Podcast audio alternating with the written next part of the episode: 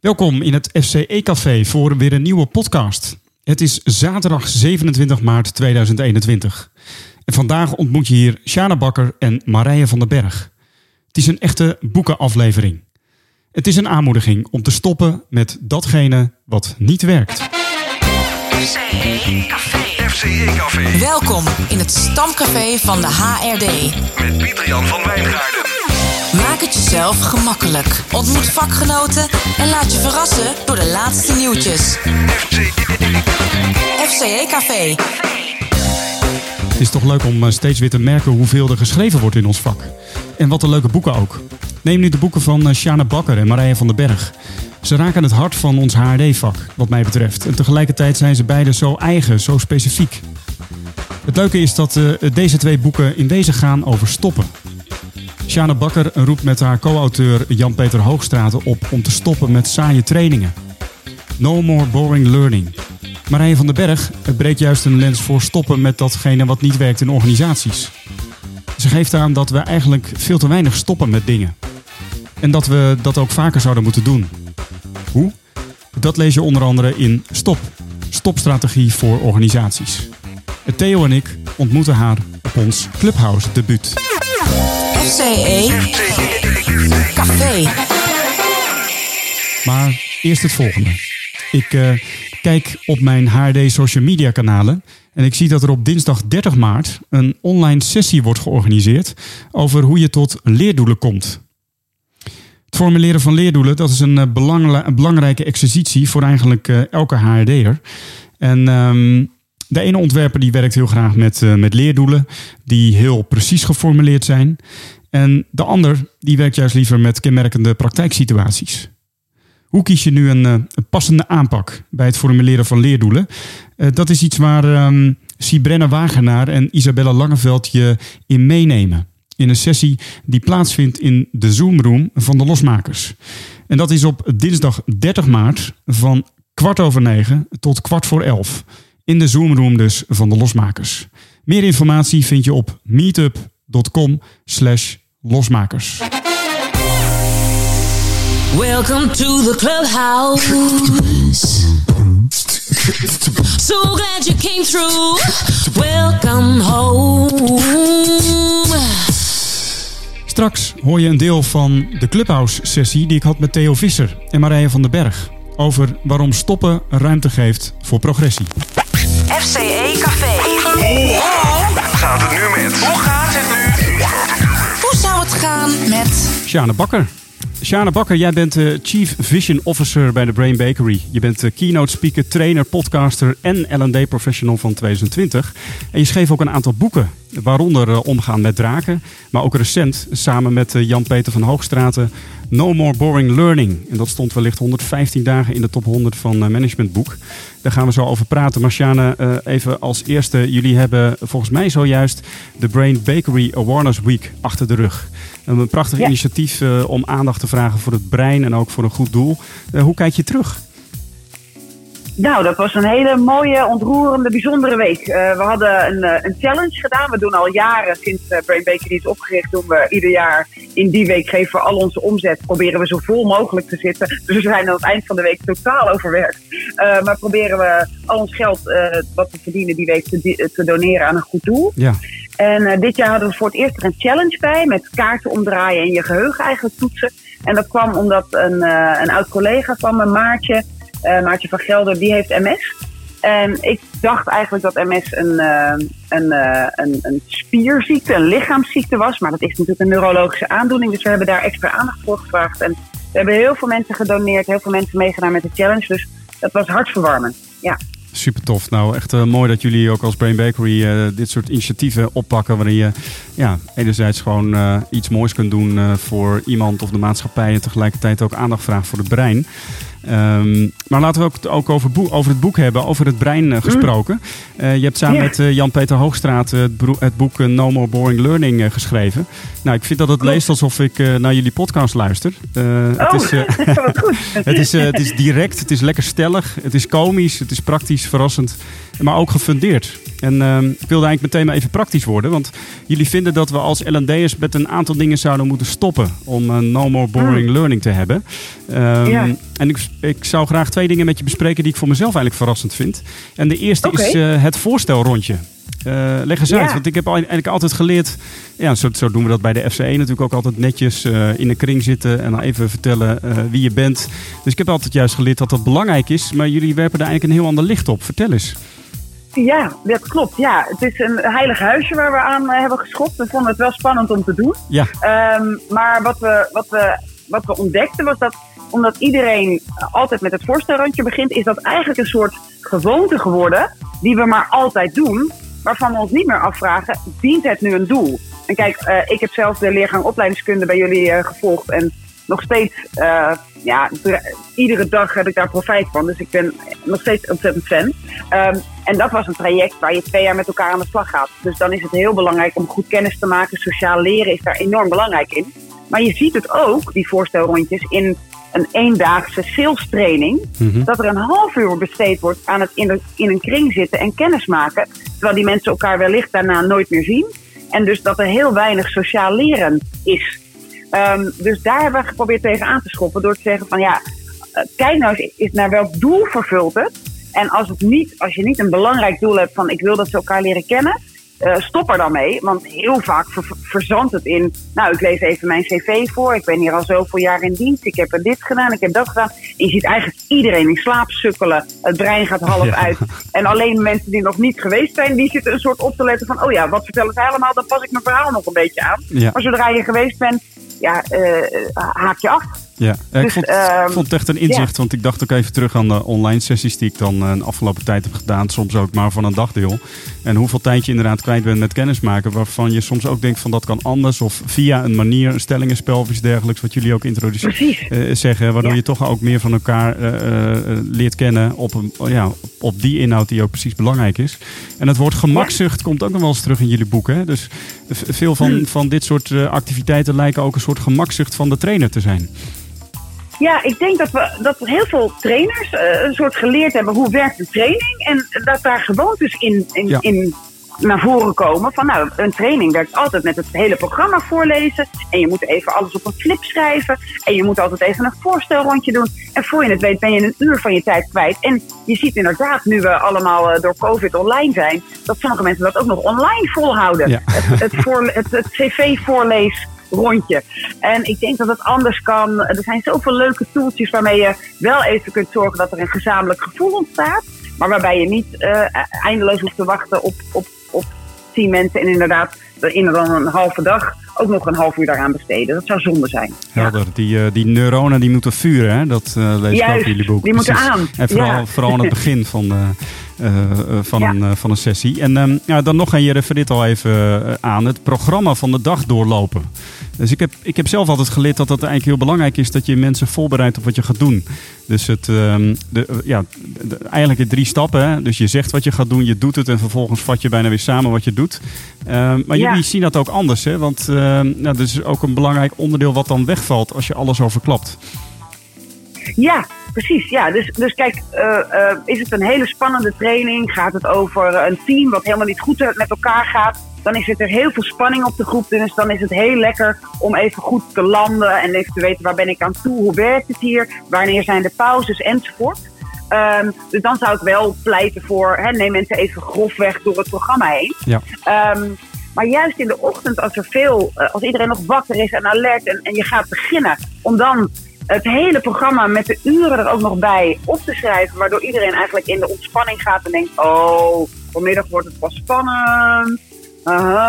Dan zie je eigenlijk dat mensen een soort een beetje afhaken dan. En dan moet je daarna vrij hard werken om die neuronen weer te gaan laten vuren en aan te laten gaan. Ja, Eh, bovendien is het onze ervaring dat heel veel mensen best wel snappen dat er een lunchpauze is. En dat ze ook van tevoren hebben gelezen hoe laat het begint en hoe laat het eindigt.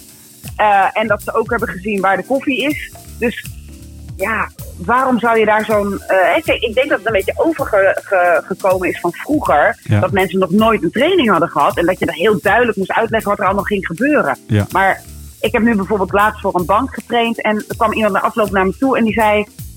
Sjana, ik was eh, echt best wel tien minuten afgeleid doordat ik het programma niet wist. Eh, ik zei, oké, en, en, en nu? Hoe kijk je daarop terug? Was dat heel erg achteraf gezien? Ja. Nee, ik vond het eigenlijk wel verfrissend. Ja. Eh, dus ik was hem wel tien minuten kwijt. Dat was wel een Ja. eh, feedback die ik minder leuk vond.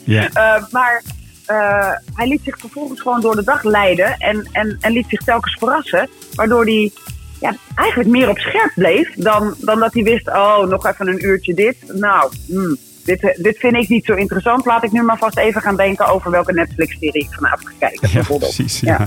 Nou ja, je Ja. zegt wel iets heel belangrijks natuurlijk, want eh, eh, leren ja, begint ook bij een, een beetje verwarring. Hè? Dus iemand die tien minuten even in verwarring is, die, ja, jullie schrijven ook dat het belangrijk is om die comfortzone te verkleinen. En dat doe je dan Ja. wellicht ook al even op deze manier. En dat hoeft niet altijd fijn te zijn voor een, voor een deelnemer. Nee, precies. Ja, het, het, ik denk dat als, als je doel is, hè, ze moeten in een hele comfortabele staat komen, want we gaan iets heel spannends doen of er zit heel veel spanning op. Ja. Zorg voor dat comfort. Eh, maar als je een training gaat doen waar men, mensen, en, en, en heel vaak gebeurt het nog dat mensen naar binnen komen, nou, je steekt er altijd wat van op. hè? Ja, ik moest hierheen, want mijn manager moet een vinkje halen. Eh, hè, dat, dat, dat gebeurt nog best wel vaak. Ehm, en, en die mensen, die vind, die vind ik juist lekker om, om op een leuke manier, op een speelse manier, maar wel even prikkelen. Wel even te laten nadenken, hé, hey, waarom doe ik het eigenlijk altijd zoals ik het doe? Hé, hey, daar vind ik eigenlijk wel wat van. Ehm, dus dat comfort een klein beetje aanvallen, eh, dat vind ik wel een, een hele fijne manier van trainen. En je merkt ook dat het rendement daar vaak van omhoog gaat. Hey Sjaan, een opvallende opmerking in het boek eh, vond ik ook dat we binnen onze beroepsgroep, eh, om het maar even in onderwijstermen te zeggen, zo schrijven jullie, ons huiswerk niet voldoende gedaan hebben. En wat bedoelen jullie daarmee? Ehm, ja, dat is natuurlijk wel licht generaliserend, maar ook wel prikkelend bedoeld natuurlijk. Eh, maar ehm, wat we daarmee eh, zeggen is dat er best heel veel research is gedaan. Ehm, en eh, best wel wetenschappelijke onderzoeken zijn, die wij of niet goed gebruiken of eh, niet hebben gelezen of waar we heel weinig mee doen. Eh, ik weet dat ik in de, in de leergang opleidingskunde, de LEOP, zo heette het toen nog, Ja. volgens mij is het nu anders, eh, heel veel eh heb stilgestaan bij wat is transfer nou eigenlijk? Ja. En, en hoe zorg je dat iets van een veilige leeromgeving naar die werkomgeving transfereert? Ja. En als ik dan kijk dat ik nog bij heel, met heel veel trainers in gesprek ben en heel veel collega's tegenkom in de markt. En dat sommigen het woord transfer nog niet kennen. en niet weten wat het is en niet weten hoe je dat bevordert. Ja. Ja, dan, dan helpt mijn hart wel heel hard. Ja. Eh, Nou, ik- ik- vandaar dat we ja. die missie hebben. Ja. Dus ik voelde me enig, enigszins aangesproken. Tegelijk, eh, ik herken het ook wel, omdat. ehm, ja, eh, en jullie refereren dan bijvoorbeeld ook weer naar zo'n model als KOLP, hè, de leercirkel. Dat natuurlijk best wel Ja. basiskennis is, maar als je daar weer eens even goed eh, bij stilstaat en over nadenkt. En zo'n model wellicht ook weer eens even op een sessie legt die je aan het voorbereiden bent. Ja, dan levert dat meteen toch ook al wel weer wat op. Hè? Dus ja, ik, toen ik het las, Ja. dacht ik ook van ja, misschien heb ik ook niet altijd door zelf wat, wat, wat voor rijk onderzoek en wat voor rijke inzichten er al liggen. Hè? Ja, ja, precies. En, en, en ik denk ook omdat. Ik denk dat het mede komt, en daar proberen we ook een soort lans voor te breken, doordat er heel veel eh, organisaties en trainers en, en, en, en L&D'ers zich nog laten leiden door de acht die aan, in de eindevaluatie zit. Ja, Want ja, dan is het goed. ja, Eh, en ik denk dat dat ons voor een heel groot deel in slaap heeft gesust. Dat we heel, heel grote verslaving hebben. Eigenlijk ook een beetje via ons ego. Van, nou, we hebben weer een acht gekregen, dus het was goed. Ja. Dus ik blijf herhalen wat ik doe. ja. Eh, en, en je ziet ook dat sommige organisaties erop selecteren. Wat voor cijfer krijgen jullie dan? Je ziet zelfs organisaties die ermee adverteren. Ja. Eh, en ik denk dat dat cijfer een hele grote inslaapzussen is. Waardoor we niet scherp blijven en denken, nou, nou inderdaad, een voorstelrondje van een uur is wel lekker. En dan hebben we, oh ja, we hebben wel wat respecteren. En, en voor je het weet, eh, precies wat je zegt, zitten we alleen maar in reflectie bij Kolp. Ja. En zijn we niet aan het doen. Nee. En maken we het niet spannend. Nee. Ja. Ja, dus ehm, eh, wellicht moeten we ook het lef hebben om onszelf wat meer te beoordelen en niet de, het oordeel aan anderen over te laten.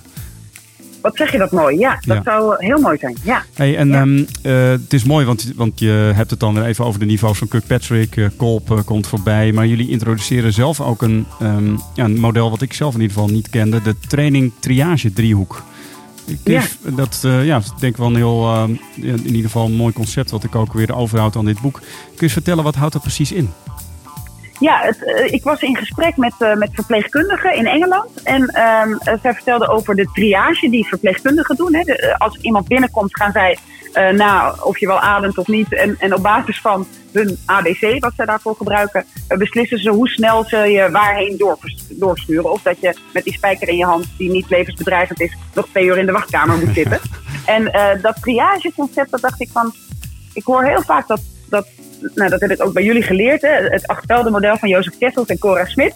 eh, dat, dat heel veel eh, organisaties die steken in als ze een leervraag hebben op veld 4, hè, op de leeractiviteit. Doe mij een training ehm, eh, time management. Ja. En dan heel veel mensen denken, nou, dat heb ik al eerder gegeven, dat kan ik wel. Hier, hier is de training time management. Hè. Dus dan doen we heel weinig research. En ehm, ik dacht van welke triage zouden wij nou kunnen doen als trainers? Dus daar is het eh, model vandaan gekomen. Eh, door eens even te kijken, de, het vraagstuk dat voor ons ligt, komt dat nou, vragen we nou over de skillset? Hè? Vragen we nou over, moeten hun skills en vaardigheden verbeteren? Is dat, dat waar het over gaat? Of gaat het nou juist over, nou die, die skillset hebben ze al, Eh, iedereen kan dit, alleen de mindset zit er niet bij. Hè? Mensen Ja. denken dat het niet handig is of dat het niet belangrijk is. Dus Ja. dan zit het meer in de mindset. En, ehm, nou ja, ik geef ook een voorbeeld in het boek. Hè. eh, soms zit het op de structuur. Als ik ergens ga trainen eh, op sales of op eh, klantgerichtheid. ehm, en ehm, er zit ondertussen een bonusstructuur onder die iets heel anders dan wat we willen trainen in de hand werkt. Dan is het niet handig voor mij om die training te geven. Want dan gaat het uiteindelijke rendement wordt bepaald door de bonusstructuur die daaronder hangt. Ja. Dus die triage die werkt heel goed om te kijken naar... hebben we het hier over skillset, hebben we het hier over mindset... en of hebben we het hier over iets in de structuur dat iets in de hand werkt... waardoor je beter niet kan trainen of geen leeractiviteit kan organiseren... maar waardoor je beter iets kunt ingrijpen in die structuur. En ik merk dat ik die vragen me- mezelf eigenlijk altijd stel. Dus best wel vaak zeg, dit is geen trainingsvraag, dit is een Mhm. structuurvraag. Daar wil ik jullie over adviseren. Ehm, maar dat heel veel trainers gewoon maar braaf gaan trainen. Ja. Wat een, echt een ehm, ja, mooi eh, en heel bruikbaar model inderdaad om echt even te checken van eh, goh, is trainingen nu de activiteit die moet gebeuren of is er iets anders nodig? Dus ehm, ja. Ja. super om, om dat ook in het eh, boek te lezen. Uh, Sjane, ik heb genoten van jullie boek. Het is eigenlijk een pleidooi voor betekenisvol en verrassend leren. Waar kunnen luisteraars meer informatie vinden over jou, over de Brain Bakery of over het boek? Ehm, ehm, nou, eh, brainbakery.com is onze website. Eh, ik zit natuurlijk op LinkedIn en ik vind het heel leuk om, eh, om te connecten. We hebben natuurlijk ook de podcast No More Boring Learning, die op alle bekende kanalen staat. En het boek wordt eigenlijk ja, overal wel verkocht. Managementboek.nl is het goed verkrijgbaar en die zijn snel binnen een dag.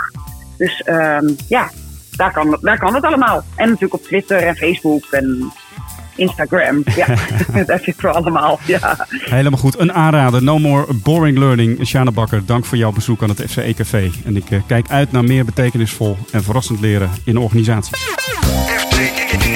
FCE E Café met Pieter Jan van Wijngaarden. In de vorige editie van het FCE Café sprak ik met Theo Visser als trendwatcher. Hij vertelde over het boek Stop. Stopstrategie voor organisaties.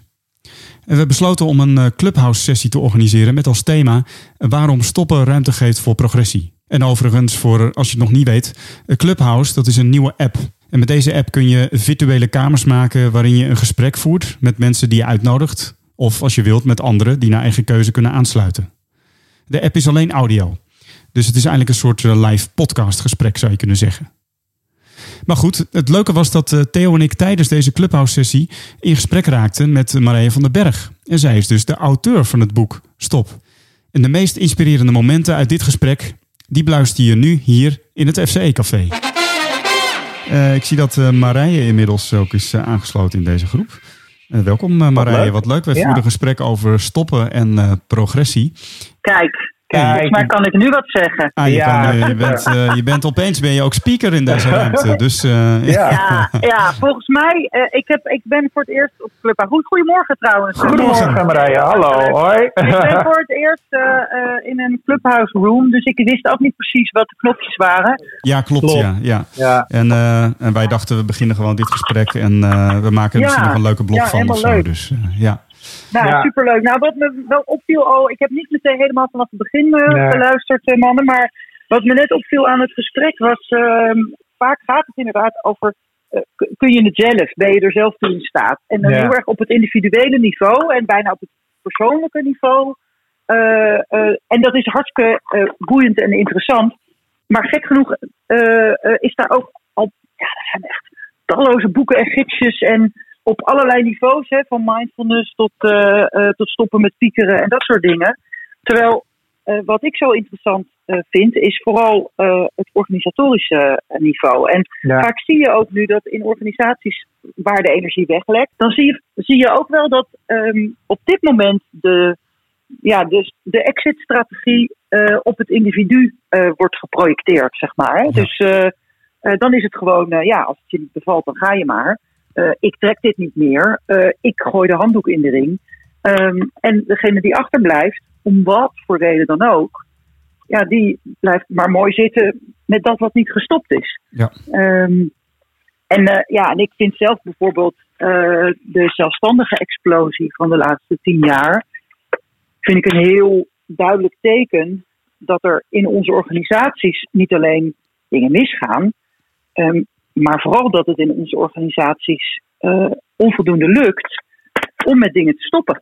Want die ZZP'ers komen gewoon weer terug, Ja, maar dan Op- op- onder andere omstandigheden. ja, ja. Ja. En, en soms nog op hun oude plek, zeg Ja. maar. En het interessante daarvan is, is dat als je dan gaat kijken van. eh, hey, ik heb eh, eh, in dat boek ook heb ik het over rippen. Dus dat je wat preciezer gaat kijken eh, waar je nou mee wil stoppen.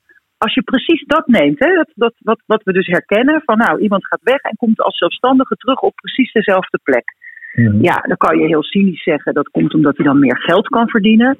Maar je kunt er ook preciezer naar kijken. Dat is soms ook hoor. Maar veel vaker gaat het dan over, nou je wil op de inhoud dus niet iets anders. Daar wil je niet stoppen.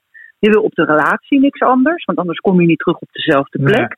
En wat blijft er dan over? Dan wil je blijkbaar op het proces iets anders. Op de verhoudingen, op de, eh, nou, de manier waarop je je werk kunt doen. Ja, wat een interessante invalshoek. Nou, ik moet denken aan een gesprek wat ik had met een eh, hoogleraar uit eh, Berlijn. Via onze Duitse collega's ontmoette hij het Stefan Jansen.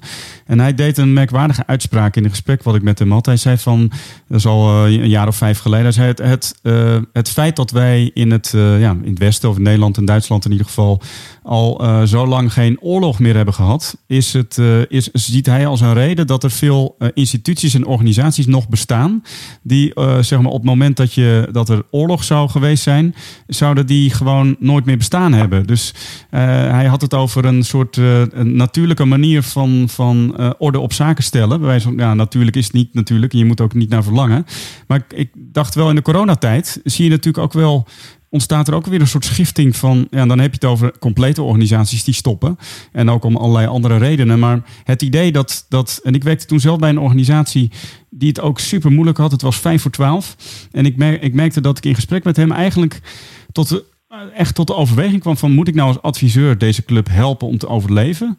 Of is het nou is het Ja. eigenlijk moreel, moreler juist, of, of bijna, hè, om, om gewoon te, te kijken van hoe kunnen we dit goed ontmantelen? Want eh, eh, waarschijnlijk is er geen Nou ja, de toekomst meer voor. is een, beant Ja, precies. is een, Ja. is een behandelen, be- be- beantwoorden, denk ik. En dat is ook precies, hè. ehm, eh, eh, eh, eh, oorlog eh, is natuurlijk een extreme Ja. eh, crisis. Ehm, eh, corona is iets, iets in het midden. Eh, mijn stelling is wel, eh, hè, toen corona eh, losbarstte, eh, eh, kwam er net als toen bij de bankencrisis een soort verlangen naar die catharsis en naar die phoenix uit de as. En nu gaat alles anders en kantelen. Eh, die, dat verlangen, eh, dat, eh, dat, dat was er daarvoor ook al. En eh, eh, je ziet, ook als je naar de, de, de, hè, de transitiedenkers eh, eh, kijkt, dan zie je gewoon, ja, er moet een periode van chaos zijn waarin het nieuwe kans krijgt en het oude echt verdwijnt. Ja, Ik ben zelf niet van mening dat je in een crisis eh, goed stopt. nee. Ehm, eh, dus als jij zegt van eh, eigenlijk voelde ik eh, aan mijn water wel eh, dat er hier iets ontmanteld moest worden. Ja. Ja, dat is precies, dat is dus precies dat gevoel Ja, eh, waardoor ik denk. Goed stoppen gaat dus over dat hardop kunnen zeggen. ja, Zonder dat er blinde paniek uitbreekt. ja. Ehm, eh, eh, en ja, weet je, dus, dus, dus eh, ja, pompen of verzuipen. uiteindelijk gaat het erom. Waar zijn de reddingsboten? Wie kunnen we redden? En wat gaat er wel naar de kelder en wat niet? Ja. Ehm, en dat kan je alleen maar doen eh, eh, ja, als je op tijd bent. En dat is natuurlijk geen garantie dat er nooit meer een bedrijf failliet gaat. Nee. Maar die kop uit het zand en dat hardop durven zeggen, dat vraagt een hele andere strategie in je organisatie dan ja, eh, never waste a good crisis strategie. Ehm, eh, eh, eh, ik, ik vind dat we goed moeten stoppen. Dat vind ik fascinerend aan het boek. En ik heb eh, Marije ook het voorbeeld ge- gegeven. Ik sprak jou een paar weken geleden over de Ben Jerry ijsjes die dan ritueel worden begraven. Ja, fantastisch. Ja, fantastisch, weet je. Dus, en ehm, eh, in die zin denk ik ook van, ik, ik hou wel van ritueel stoppen, of dat het ook duidelijk is dat je gestopt bent. Maar uiteindelijk vooral ook om ruimte te maken voor andere dingen. Of, dus ik vind wel dat je iets moet doen met dat, het feit dat je gestopt bent en dus tijd over hebt of energie over hebt. Eh, ik vind wel dat je daar dan iets bewust mee moet doen. En van mijn part ga je bewust even niksen of zo, maar eh, eh, stoppen levert ruimte op. En hoe ga je die invullen? Dat, dat vind ik dan Ja. Ja. Dat, dat, maar dat suggereert ook een soort volgordelijkheid. Zo van we gaan eerst stoppen ergens mee en daarna bedenken we wel wat we ermee gaan doen. Of dat gaat. Ja. Terwijl natuurlijk de motivatie om met dingen te stoppen zit hem ook juist heel vaak in dat verlangen naar dat waarvan je al lang weet dat het beter zou kunnen. Ja. Dus eh, ehm, ik ga nu eh, met, eh, met Matthijs Steneveld. nou jij noemde positieve psychologie. ja, zeker. Ja, ik, Ja. ik ken hem. Ik, ik, Ja. ik, ik, ken Matthijs. Ja. Nou, precies. Nou, dus wij zijn ook bij elkaar gekropen om te kijken waar zit nou de overlap. Die overlap zit hem heel erg op de wet van behoud van energie. Eh, ehm, dus zowel het waarderen eh, als het stoppen gaat over eh, ja, aandacht geven aan, aan de dingen die ertoe doen. En wat je daarvoor moet doen. En mijn invalshoek is dan, nou, wat moet, waar moet je mee stoppen om daar ruimte voor te maken? En het leuke is dat Matthijs vervolgens ook nog in dat stopproces kijkt. Van, kun je dat nou ook op een waarderende manier doen? Ja. Zo. ja, ik moet toch dan een beetje denken aan eh, Maria Kondo, hè, die kleding wegdoet en dan de kleding Ja. even bedankt. Hè. En, en, nou, en ik- precies. maar ik merk ook wel dat ik denk van ja, weet je, eh, eh, je stopt op een gegeven moment dingen omdat de energie eruit is. Of, of dat het je. Maar het, het heeft je waarschijnlijk ook een hele lange tijd wat opgeleverd. Dus ik vind het ook wel heel mooi om te zeggen van nou weet je, dit heeft het mij opgeleverd. Het was een experiment. Of eh, misschien stoppen we eh, over een jaar wel allemaal met Clubhouse. Eh, maar dan kun je ook kijken van ja, weet je, het, heeft leuke gesprekken opgeleverd. Het heeft ons Ja. een gesprek met jou. Dus ik, ik vind het wel mooi om ehm, ja, bewust te stoppen. Dus hoe, hoe kunnen luisteren is inderdaad ook wel van hoe kun je dan bewust stoppen? Hoe kun je dan toch dankbaar zijn voor wat het je heeft gebracht? En hoe kan dat stoppen je dan helpen om een volgende stap te maken in iets wat jij graag eh, groter wil maken of je energie in wil stoppen? Precies. En, Ja. eh, en, eh, en, het, en het fijn zo'n zo'n ritueel moment maken en het ook expliciet maken, is ook dat je het daarmee ook wat meer gelijktijdig doet. Dus dat er, hè, want als je in een organisatie, als de helft ergens mee stopt en de andere helft gaat ermee doen, die er nog niet mee gestopt. Nee. Ja, en dat, die verwarring zorgt ook voor heel Ja. veel verlies van Ja, werkplezier. ik- het gesprek brengt mij wel een soort extra vraagje of een extra vraag op mijn lijstje, zeg maar, wat ik normaal met klanten een beetje zo afloop om, eh, ja, om te verkennen. Zo van, Mhm. stel het met je organisatie. En ik hoop nog steeds dat, weet je, ik merk zelf, maar dat ik, ik vind bouwen vooral heel leuk. Eh, dus, het, Ja. Dus ik merk dat ik vooral wil stoppen als middel om te kunnen bouwen, zou je kunnen zeggen. Ja. Eh, maar ik ben me wel veel bewuster dat je dat even wel eh, heel goed en waardevol moet doen. Dus, dat vind ik, dus in die zin, eh, ik, ik vond je boek superleuk, maar ik vind dit gesprek ook heel inspirerend daarin. Dank voor het luisteren naar het FCE Café. Ik hoor graag wat jij vindt van deze podcast. Of je ideeën hebt. Of misschien wil je zelf een keer langskomen in het FCE Café. Laat het weten. Dat kan via LinkedIn in de groep FCE Vakmanschap in Ontwikkeling. Of via de Twitter-accounts FCE Leren of PJ van Wijngaarden. Over twee weken op vrijdag 9 april is het FCE Café live te horen vanuit Nijmegen. We zijn dan met onze pop-up podcast studio te gast bij Wildgroei. En Wildgroei is een leuke enthousiaste club jonge ondernemers in Nijmegen. Over deze live uitzending hoor je binnenkort meer op onze social media kanalen. Blijf leren, blijf luisteren. FCE Café.